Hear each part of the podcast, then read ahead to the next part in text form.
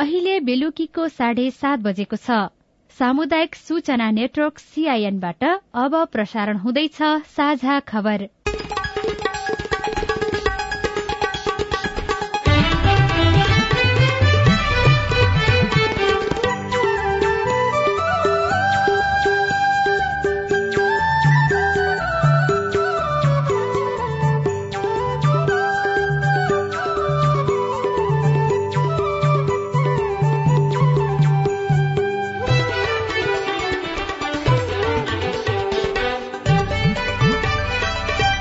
सीआईएनको साझा खबरबाट लील प्रकाश चन्दको नमस्कार। साझा खबर देशभरिका सामुदायिक radio CIN Khabar dot com सीआईएनको फेसबुक पेज र मोबाइल एप सीआईएनबाट सुन्न सकिन्छ।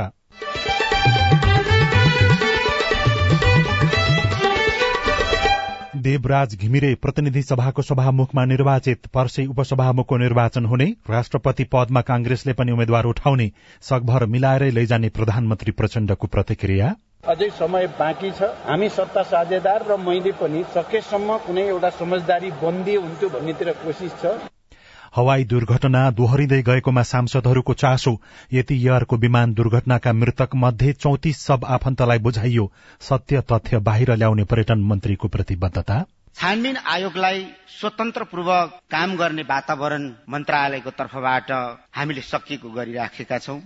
माघको अन्तिमसम्ममा कोरोना विरूद्धको बुस्टर मात्रा खोप आइसक्ने कपिल वस्तु काउखो किसान आन्दोलनमा वायु प्रदूषणका कारण चिसो घटेन आउँदो हप्ता मात्रै पानी पर्ने पूर्वानुमान। मंगलबारबाट चाहिँ पश्चिम क्षेत्रबाट हुँदै हुँदै त्यो बाटो चाहिँ पूर्वसम्म पुग्ने देखिन्छ। यसले गर्दाखेरि चाहिँ अलिकति त्यो बेलामा धेरै स्थानमा चाहिँ वर्षाको पनि सम्भावना छ। र मेस्सी अनि रोनाल्डोले आज मैत्रीपूर्ण फुटबल खेल्दै।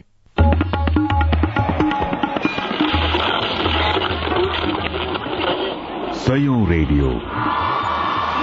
हजारौं रेडियो कर्मी र करोड़ौं नेपालीको माझमा यो हो सामुदायिक सूचना नेटवर्क सीआईएन नयाँ पार्टी र व्यक्ति संसद हुँदै सरकारमा पुग्दा नागरिक उत्साहित छन् भने राम्रो काम होला भन्ने अपेक्षा पनि छ। तर नवनियुक्त केही मन्त्रीहरू कोही मुद्दा मामिला त कोही उजुरीको सामना गरिरहेका छन्। उनीहरू बारेमा प्रहरी प्रशासन सरोकारवाला निकायले अनुसन्धान निष्पक्ष गर्छ कि गर्दैन भन्ने प्रश्न पनि छ। विवादमा मुछिएका मन्त्री सहितको सरकारले गर्ने काममा नागरिकको गहिरो र तीखो नजर छ। त्यसैले पनि कमजोरी नहुने गरी हरेक मन्त्रालयबाट काम हुन जरूरी छ। अब खबर सजना तिमल सिन्हाबाट। प्रतिनिधि सभाको सभामुखमा नेकपा एमालेका देवराज घिमिरे निर्वाचित हुनुभएको छ। आज भएको मतदानमा उपस्थित दुई सय अडसठी जना सांसद मध्ये घिमिरेको पक्षमा एक सय सडसठी मत परेको हो। उहाँको विपक्षमा एक सय मत र मत दिन्न भन्ने पक्षमा एक मत परेको ज्येष्ठ सदस्य पशुपति शमशेर जवराले घोषणा गर्नुभयो। यस सभाको मान्य सदस्य श्री देवराज घिमिरेलाई प्रतिनिधि सभाको सभामुख पदमा निर्वाचित गरियोस् भन्ने प्रस्तावको पक्षमा एक सय सतसठी मत परेको उक्त संख्या प्रतिनिधि सभाको तत्काल कायम रहेको सम्पूर्ण सदस्य संख्याको बहुमत भएकोले यस सभाका मान्य सदस्य श्री देवराज घिमिरेलाई प्रतिनिधि सभाको सभामुख पदमा निर्वाचित गरियोस् भन्ने प्रस्ताव बहुमतले पारित भएको घोषणा गर्नु। झापा दुईबाट निर्वाचित सांसद घिमिरेलाई एमाले नेकपा माओवादी केन्द्र राष्ट्रिय स्वतन्त्र पार्टी राप्रपा लगायत दलको समर्थन रहेको थियो। मतदानमा वर्षमान पुन बीना कुमारी थनैत मनोरमा शेरछन सपना राज भण्डारी र लक्ष्मी महतो कोइरी भने अनुपस्थित रहेको संसद सचिवालयले जनाएको छ। कांग्रेस र नेकपा एकीकृत समाजवादीले कांग्रेसका ईश्वरी कुमारी नेउपानेलाई उम्मेद्वार बनाएका थिए। नवनिर्वाचित सभामुख देवराज घिमिरेले निष्पक्ष र तटस्थ भूमिका निर्वाह गर्ने बताउनु भएको छ। प्रतिनिधि सभाको पर्सि शनिबार हुने बैठकले उपसभामुख चयन गर्ने पनि सचिवालयले जनाएको छ। उपसभामुखमा सत्तारूढ़ दलका तर्फबाट राष्ट्रिय स्वतन्त्र सोभिता गौतमलाई अघि सार्ने तयारी छ भने कांग्रेस र नेकपा एकीकृत समाजवादीले कुनै निर्णय भइ नसकेको जनाएका छन्। सभामुख चयनसँगै अब दलहरूको ध्यान राष्ट्रपति निर्वाचनमा केन्द्रित भएको छ। राष्ट्रपतिका लागि मिति तोकिन नसके पनि कांग्रेसले माओवादीको समर्थनमा राष्ट्रपति पाउने गरी तयारी गरिरहेको छ। एमाले भने यसअघिको समझदारी अनुसार राष्ट्रपति एमाले नै पाउनुपर्ने बताउँदै आएको छ।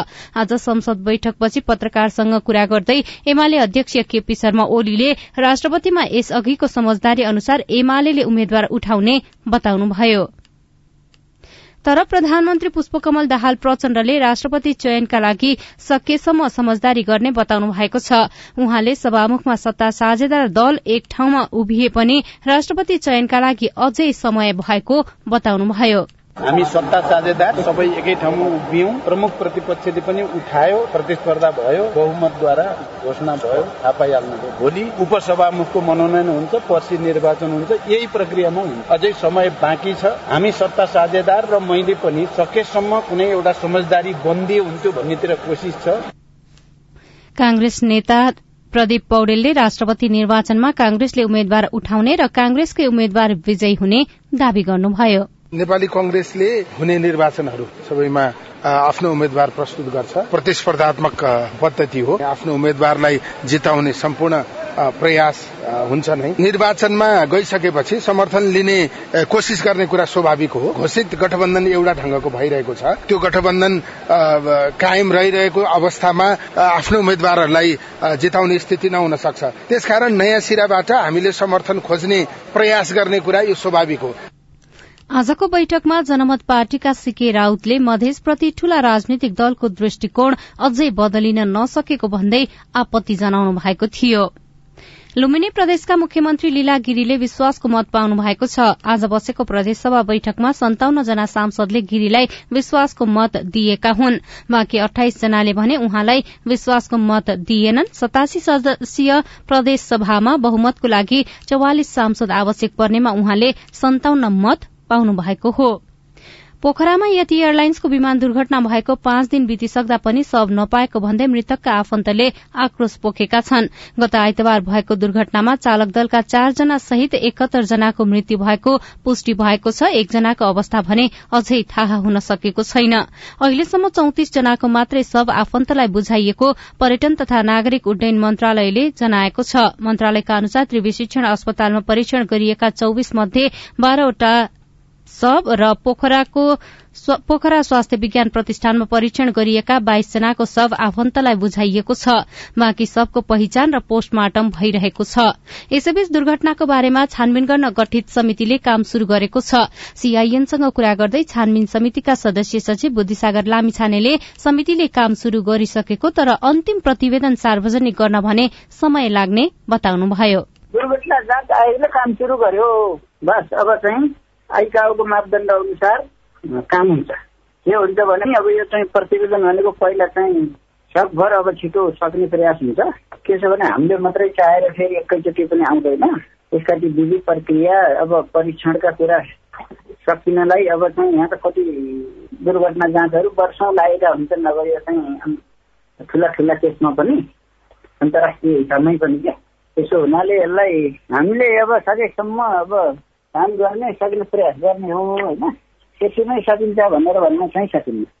यसैबीच संस्कृति पर्यटन तथा नागरिक उड्डयन मन्त्री सुदन किरातीले हवाई दुर्घटना दोहोरिन नदिन आफूले सक्दो काम गर्ने बताउनु भएको छ।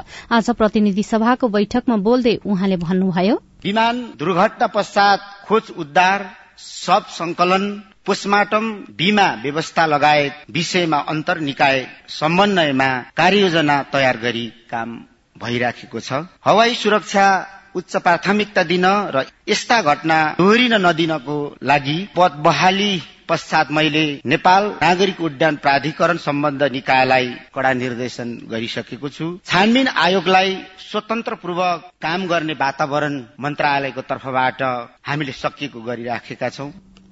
त्रिपन्न जना नेपाली र पन्ध्र जना विदेशी नागरिक सवार विमान गत आइतबार पोखराको सेती नदीको खोजमा दुर्घटना भएको थियो। बढ़दो प्रदूषणका कारण दिउँसो पारिलो घाम लाग्न नसक्दा चिसो कायमै रहेको मौसमविदले बताएका छन्। पोहोर परार यो समयमा हिउँदे वर्षा हुने गरेको र त्यसले मौसम सफा हुँदा बिहान बेलुका चिसो भए पनि दिउँसो पारिलो घाम लागेर न्यानो हुने गरेको थियो। तर यसपालि अहिलेसम्म हिउँदे वर्षा हुन सकेको छैन। यसले दिउँसोको अधिकतम तापक्रम पनि घट्दा चिसो कायमै भएको जल तथा मौसम विज्ञान विभाग अन्तर्गतको मौसम पूर्वानुमान महाशाखाका वरिष्ठ मौसमविद वरूण पौडेलले सीआईएनसँग बताउनुभयो। एउटा चाहिँ प्रदूषण कारण पो अलिअलि बादलले पनि छेकिरहेको छ। दिउँसो चाहिँ राम्रोसँग तात्न पाएको छैन। पारिलो घाम लाग्नु पर्ने नलागेको अवस्था छ। सबै तुवालोले छेकिरहेको अवस्था छ। तराई क्षेत्रमा पनि लामो समय यो वर्ष चाहिँ कुहिरो भयो। गत वर्ष थिएन। त्यसले गर्दा समग्रमा देशभरि नै अलिकति हामीलाई चाहिँ दिउँसो चाहिँ राम्रोसँग घाम नलागेको कारणले गर्दाखेरि चिसो चाहिँ हुनु चाहिँ स्वाभाविक नै हो हजुर। अब कहिलेदेखि दिउँसो राम्ररी घाम लाग्ला त्यो अनुमान गर्न सकिन्छ? अब यो आउने हप्तामा चाहिँ पश्चिम वायुको प्रभाव छ होइन? त्यो हुनाले अब मङ्गलबारबाट नै पश्चिम क्षेत्रबाट चाहिँ आउँछ हुनु त आज भोलि पनि छ होइन? तर त्यो त्यसको प्रभाव चाहिँ सुदूरपश्चिम क्षेत्र मात्रै छ। खासै यतापट्टि छैन। अब अर्को चाहिँ मङ्गलबारबाट चाहिँ पश्चिम क्षेत्रबाट हुँदै हुँदै त्यो चाहिँ पूर्वसम्म पुग्ने देखिन्छ। यसले गर्दाखेरि चाहिँ अलिकति त्यो बेलामा धेरै स्थानमा चाहिँ वर्षाको पनि सम्भावना छ। वर्षा भए पनि माथितिर हिमपात हुने। अनि त्यसपछि मात्रै अलिकति केही आकाश खोल्ने देखिएको छ त्यसपछि क्रमिक रूपमा चाहिँ तापक्रमहरू बढ्दै जाने देखिएको छ।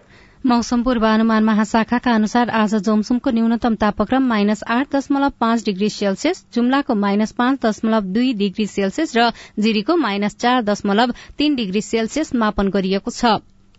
कोरोना भाइरस विरूद्धको बुस्टर मात्रा लगाउन खोज्नेले नपाएको गुनासो गर्न थालेपछि सरकारले थप खोप ल्याउन प्रक्रिया अघि बढ़ाएको छ। हाल बुस्टर खोपका लागि उपलब्ध नभएको भन्दै जनगुनासो बढ़ेपछि सरकारले थप खोप ल्याउन प्रक्रिया अगाडि बढ़ाएको हो। स्वास्थ्य सेवा विभाग अन्तर्गतको खोप शाखाले बुस्टर मात्रा खोप ल्याउनको लागि प्रक्रिया अगाडि बढ़ाइसकिएको र यही महिनाको अन्तिमसम्ममा नेपाल आइपुग्ने जानकारी दिएको छ। सीआईएनसँग कुरा गर्दै खोप शाखाका प्रमुख सागर दाहालले खोप ल्याएपछि केही भने कोविड विरूद्धको बुस्टर मात्राको रूपमा चौथो मात्रा खोप समेत लगाइने बताउनुभयो। कोभ्याक्सबाट पन्ध्र लाख खोप लिएर आउनको लागि कुराकानी पत्रचार सबै गरेको हो। त्यसै अनुसार चाहिँ हामीलाई फेब्रुअरी तिनमा आउने भनेर एउटा पत्र प्राप्त भएको छ तर त्यो फ्लाइट बुक हुने टाइम र त्यसमा केही अन्तर हुन सक्छ। त्यस कारण फेब्रुअरीको पहिलो हप्तामा हामी आउने अनुमान गरिरहेका छौँ। यो चाहिँ खासमा कुन उमेर समूहको लागि भनेर ल्याइँदैछ? उमेर समूह भन्दा पनि यो बुस्टर मात्रा जसले प्राप्त गर्नुभएको छैन दुई मात्रा लिएर तेस्रो मात्रा नलिनु भएकाहरूलाई र केही समूहहरूलाई चाहिँ चौथो डोज पनि दिनुपर्ने भनेर हामीले लक्षित गरेका छौं। स्वास्थ्य तथा जनसंख्या मन्त्रालयका अनुसार हालसम्म दुई करोड़ बत्तीस लाख आठ हजार चार सय त्रियासी जनाले कोरोना विरूद्धको एक मात्रा खोप लगाएका छनृ।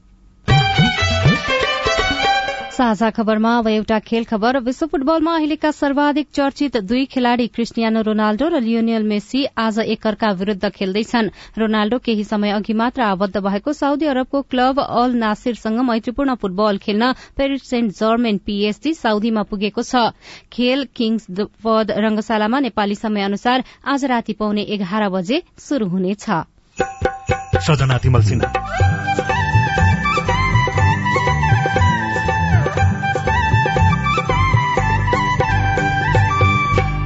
गोरु पाल्ने किसानलाई नगरपालिकाको अनुदान? ट्र्याक्टर हप्तामा दुई तिनचोटि बिग्रिरहन्छ। उनीहरूले अनुदान दिएको भन्दा डबल खर्च भइरहेको छ हाम्रो गोरु त बिग्रिँदैन नि। बिरामी भएर मर्यो भने त्यहाँ माथि बिमा गरिदिएको छ।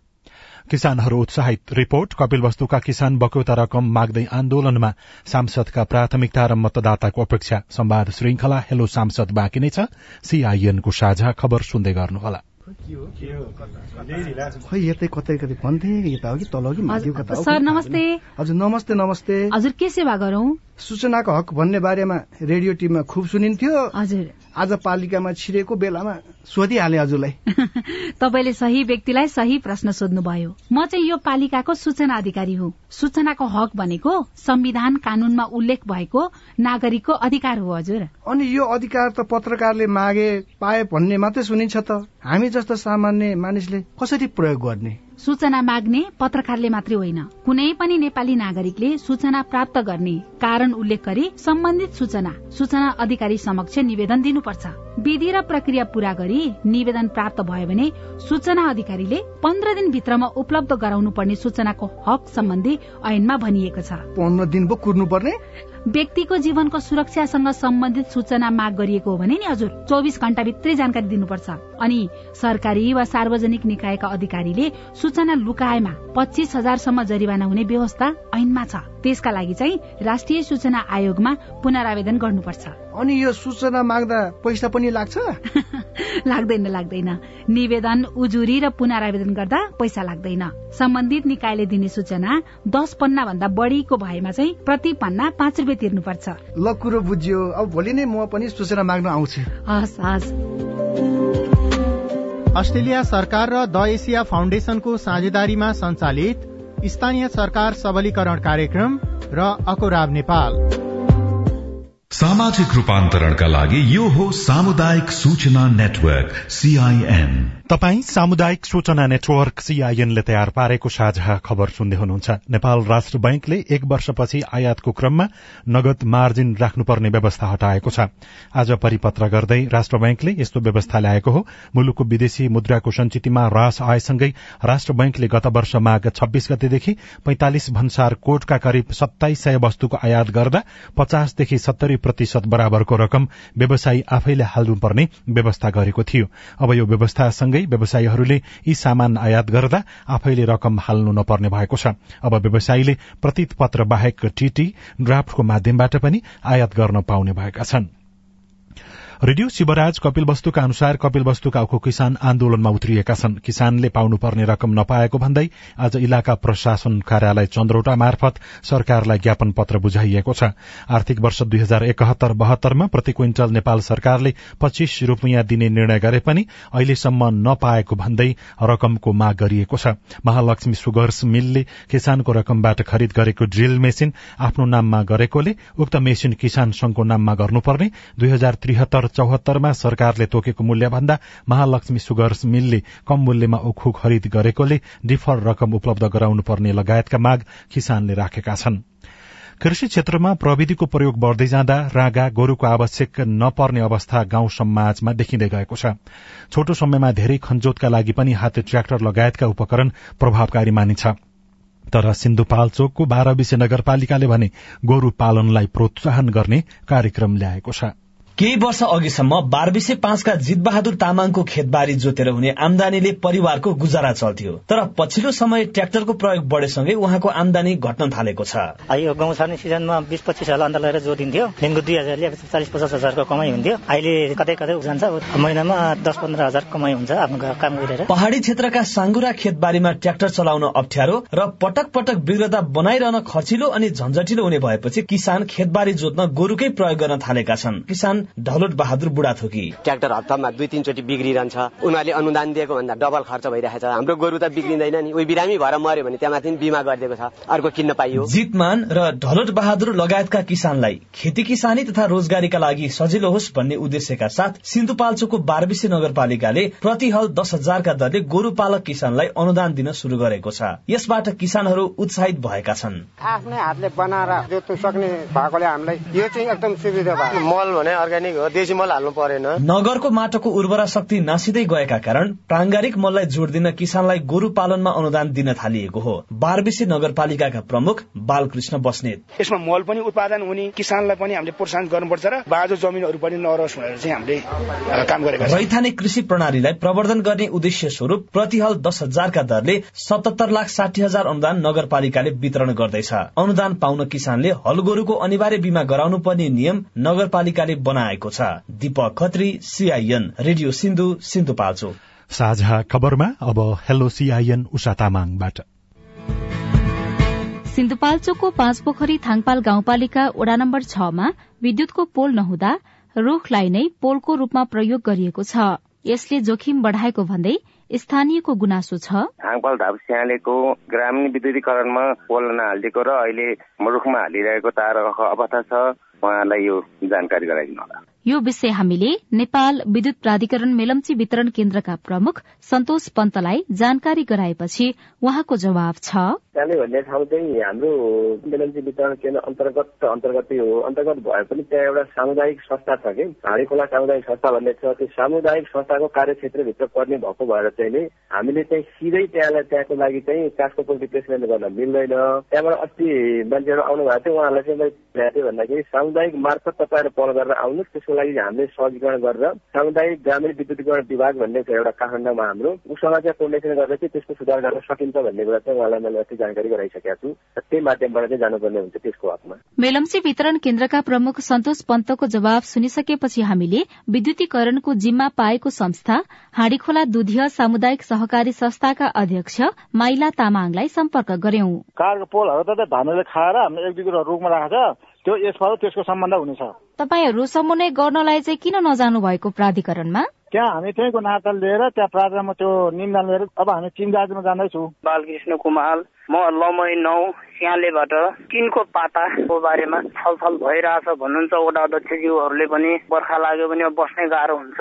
खरको छानामा कहिलेसम्म अपेक्षा गरौं? हाम्रो वडा अध्यक्षज्यूलाई चाहिँ सोध्न चाहन्छु मैले। तपाईँको प्रश्न हामीले लमही नगरपालिका वडा नम्बर नौका वडा अध्यक्ष भेष बहादुर केसीलाई सुनाएका छौं। लिस्टमा पर्नु भएको छ भने छलको प्रक्रियामा भइसकेका छ।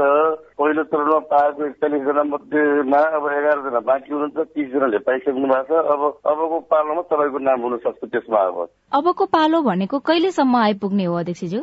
अब तपाईँको तुरुन्तै हामी यो कार्यपालिका मिटिङ बसेर निर्णय गरेर एघार जनाको नाम पनि यो सघन सहरीबाट दिने पैसा हो होइन? पैसा आउने बित्तिकै उहाँको खातामा जम्मा गर्न नगरपालिकाबाट तपाई जुनसुकै बेला हाम्रो टेलिफोन नम्बर शून्य एक बान्न साठी छ चार छमा फोन गरेर आफ्नो विचार प्रश्न गुनासो तथा प्रतिक्रिया रेकर्ड गर्न सक्नुहुन्छ। तपाई सामुदायिक सूचना नेटवर्क सीआईएनले काठमाण्डुमा तयार पारेको साझा खबर सुनिरहनु भएको छ। संसद र सरकारमा हुने खानेको उपस्थितिको प्रभाव पोलिटिक्स सजिलो भयो कमाउनेहरूका निम्ति मुलुक लुट्नेहरूका निम्ति हरेक पैसा भएका मान्छेहरू अझ ठूलो दोहन गर्नका निम्ति पोलिटिक्समा आउनु थाले। संवाद श्रृंखला हेलो सांसद बाँकी नै छ। सीआईएनको साझा खबर सुन्दै गर्नुहोला। बाल विवाह विरूद्ध धर्मगुरूहरूको प्रतिबद्धता। वैदिक साहित्यमा बाल विवाह छैन। बाल विवाह हाम्रो मण्डली अन्तर्गत भएको छैन। हाम्रोमा बाल विवाह हुँदैन। यो मुद्दुमले भनेको कुरा हो र हाम्रो व्यवहारमा त्यस्तो नै छ। राधामिस गीता बाइबल कुरान वेद लगायतका सबै धर्मका ग्रन्थहरूले बाल विवाह गर्नुहुन्न भनेको भनेर धर्मगुरूले रेडियोबाट भनेको सधैँ सुन्ने गरिन्छ।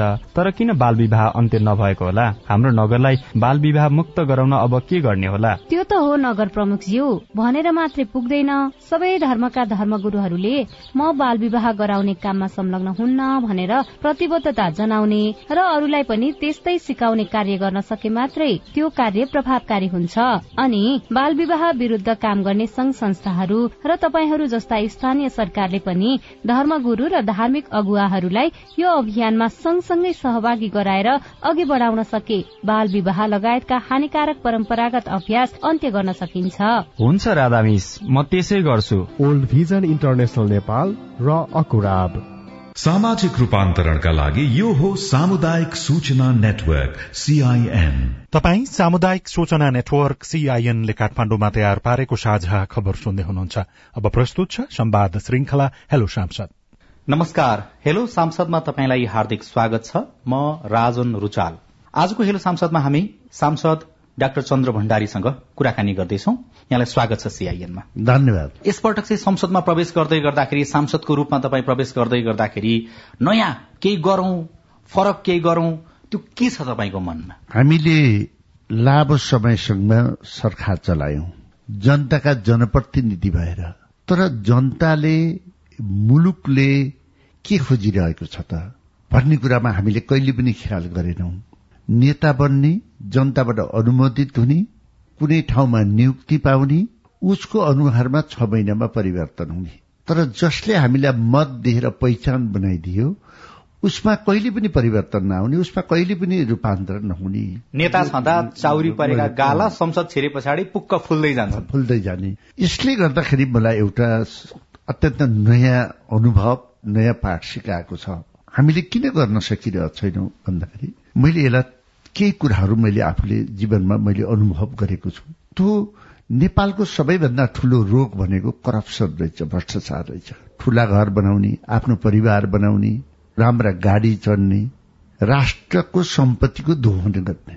त्यसैले आफ्नो पहिचान बनाउने। त्यो चाहिँ तल्लो तहदेखि माथिल्लो तहसम्म। तल्लो तहदेखि माथिल्लो तहसम्म मैले यो देखेँ। र यसको समाधान के हो त भन्ने कुरा पनि मैले लाएँ।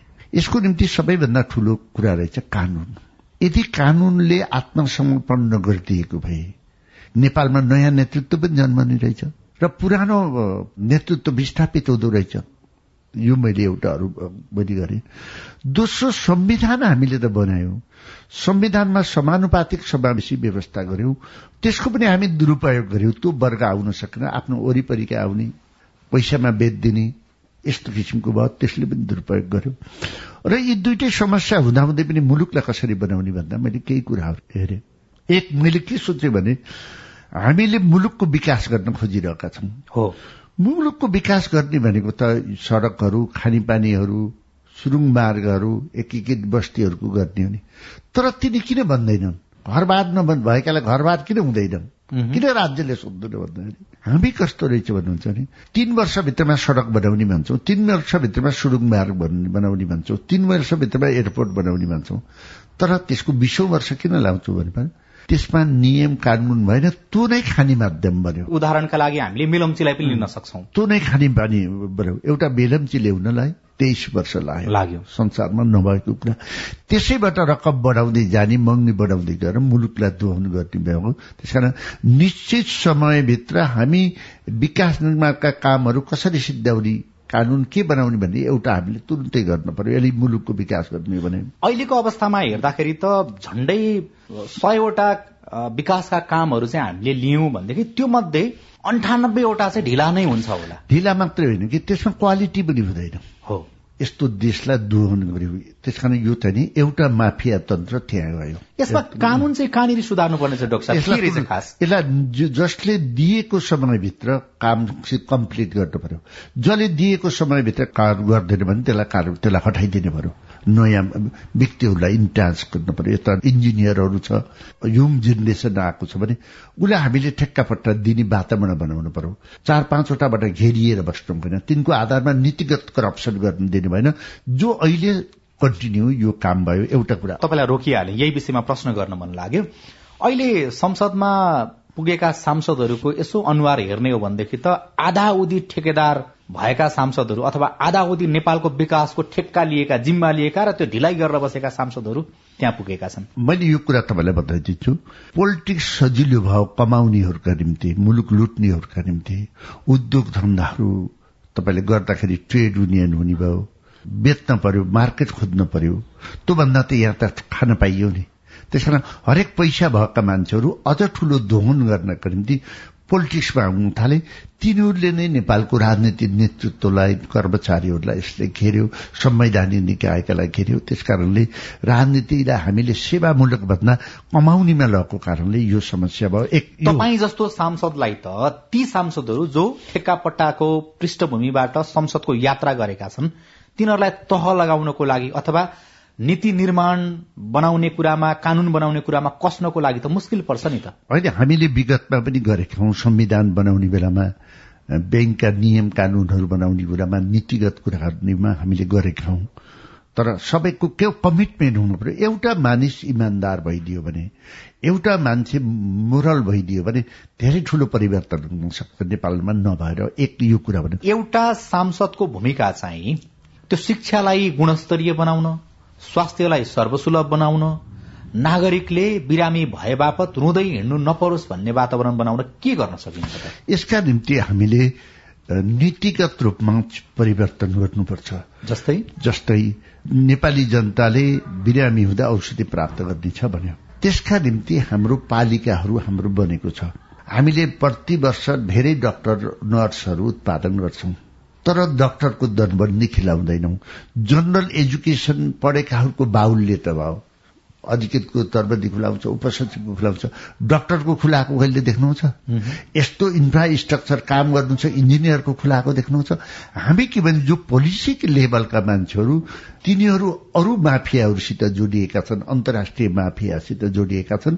हामीले खर्च गरेर डाक्टर निकाल्छौं खर्च गरेर इन्जिनियर निकाल्छौं तर तिनीलाई नेपालमा बस्न नहुने बाटो बनाएर विदेशमा दिन्छौँ। तिनलाई रोक्न पर्यो। त्यही कुरा एउटा सांसदको हिसाबले संसदमा बसेर बोल्ने कुरा त छँदैछ गुल्मीमा तपाईँको निर्वाचन क्षेत्रमा चाहिँ कसरी त्यसलाई लागू गर्नुहुन्छ?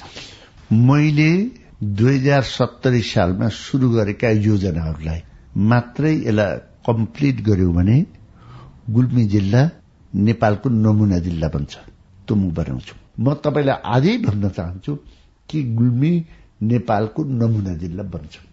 संवाद श्रृंखला हेलो सांसदको विस्तृत कुराकानी भोलि बिहान साढे छ बजेको कार्यक्रम हेलो सांसदमा प्रसारण हुनेछ। सुन्ने प्रयास गर्नुहोला। देवराज घिमिरे प्रतिनिधि सभाको सभामुखमा आज निर्वाचित हुनुभयो। पर्सी उपसभामुखको निर्वाचन हुनेछ। राष्ट्रपति पदमा नेपाली कांग्रेसले पनि उम्मेद्वार उठाउने बताएको छ। हवाई दुर्घटना दोहोरिँदै गएकोमा सांसदहरूले चासो व्यक्त गरेका छन्। यतियरको विमान दुर्घटनाका मृतक मध्ये चौतिस सब आफन्तलाई बुझाइएको छ। सत्य तथ्य बाहिर ल्याउने पर्यटन मन्त्रीले प्रतिबद्धता गरेका छन्।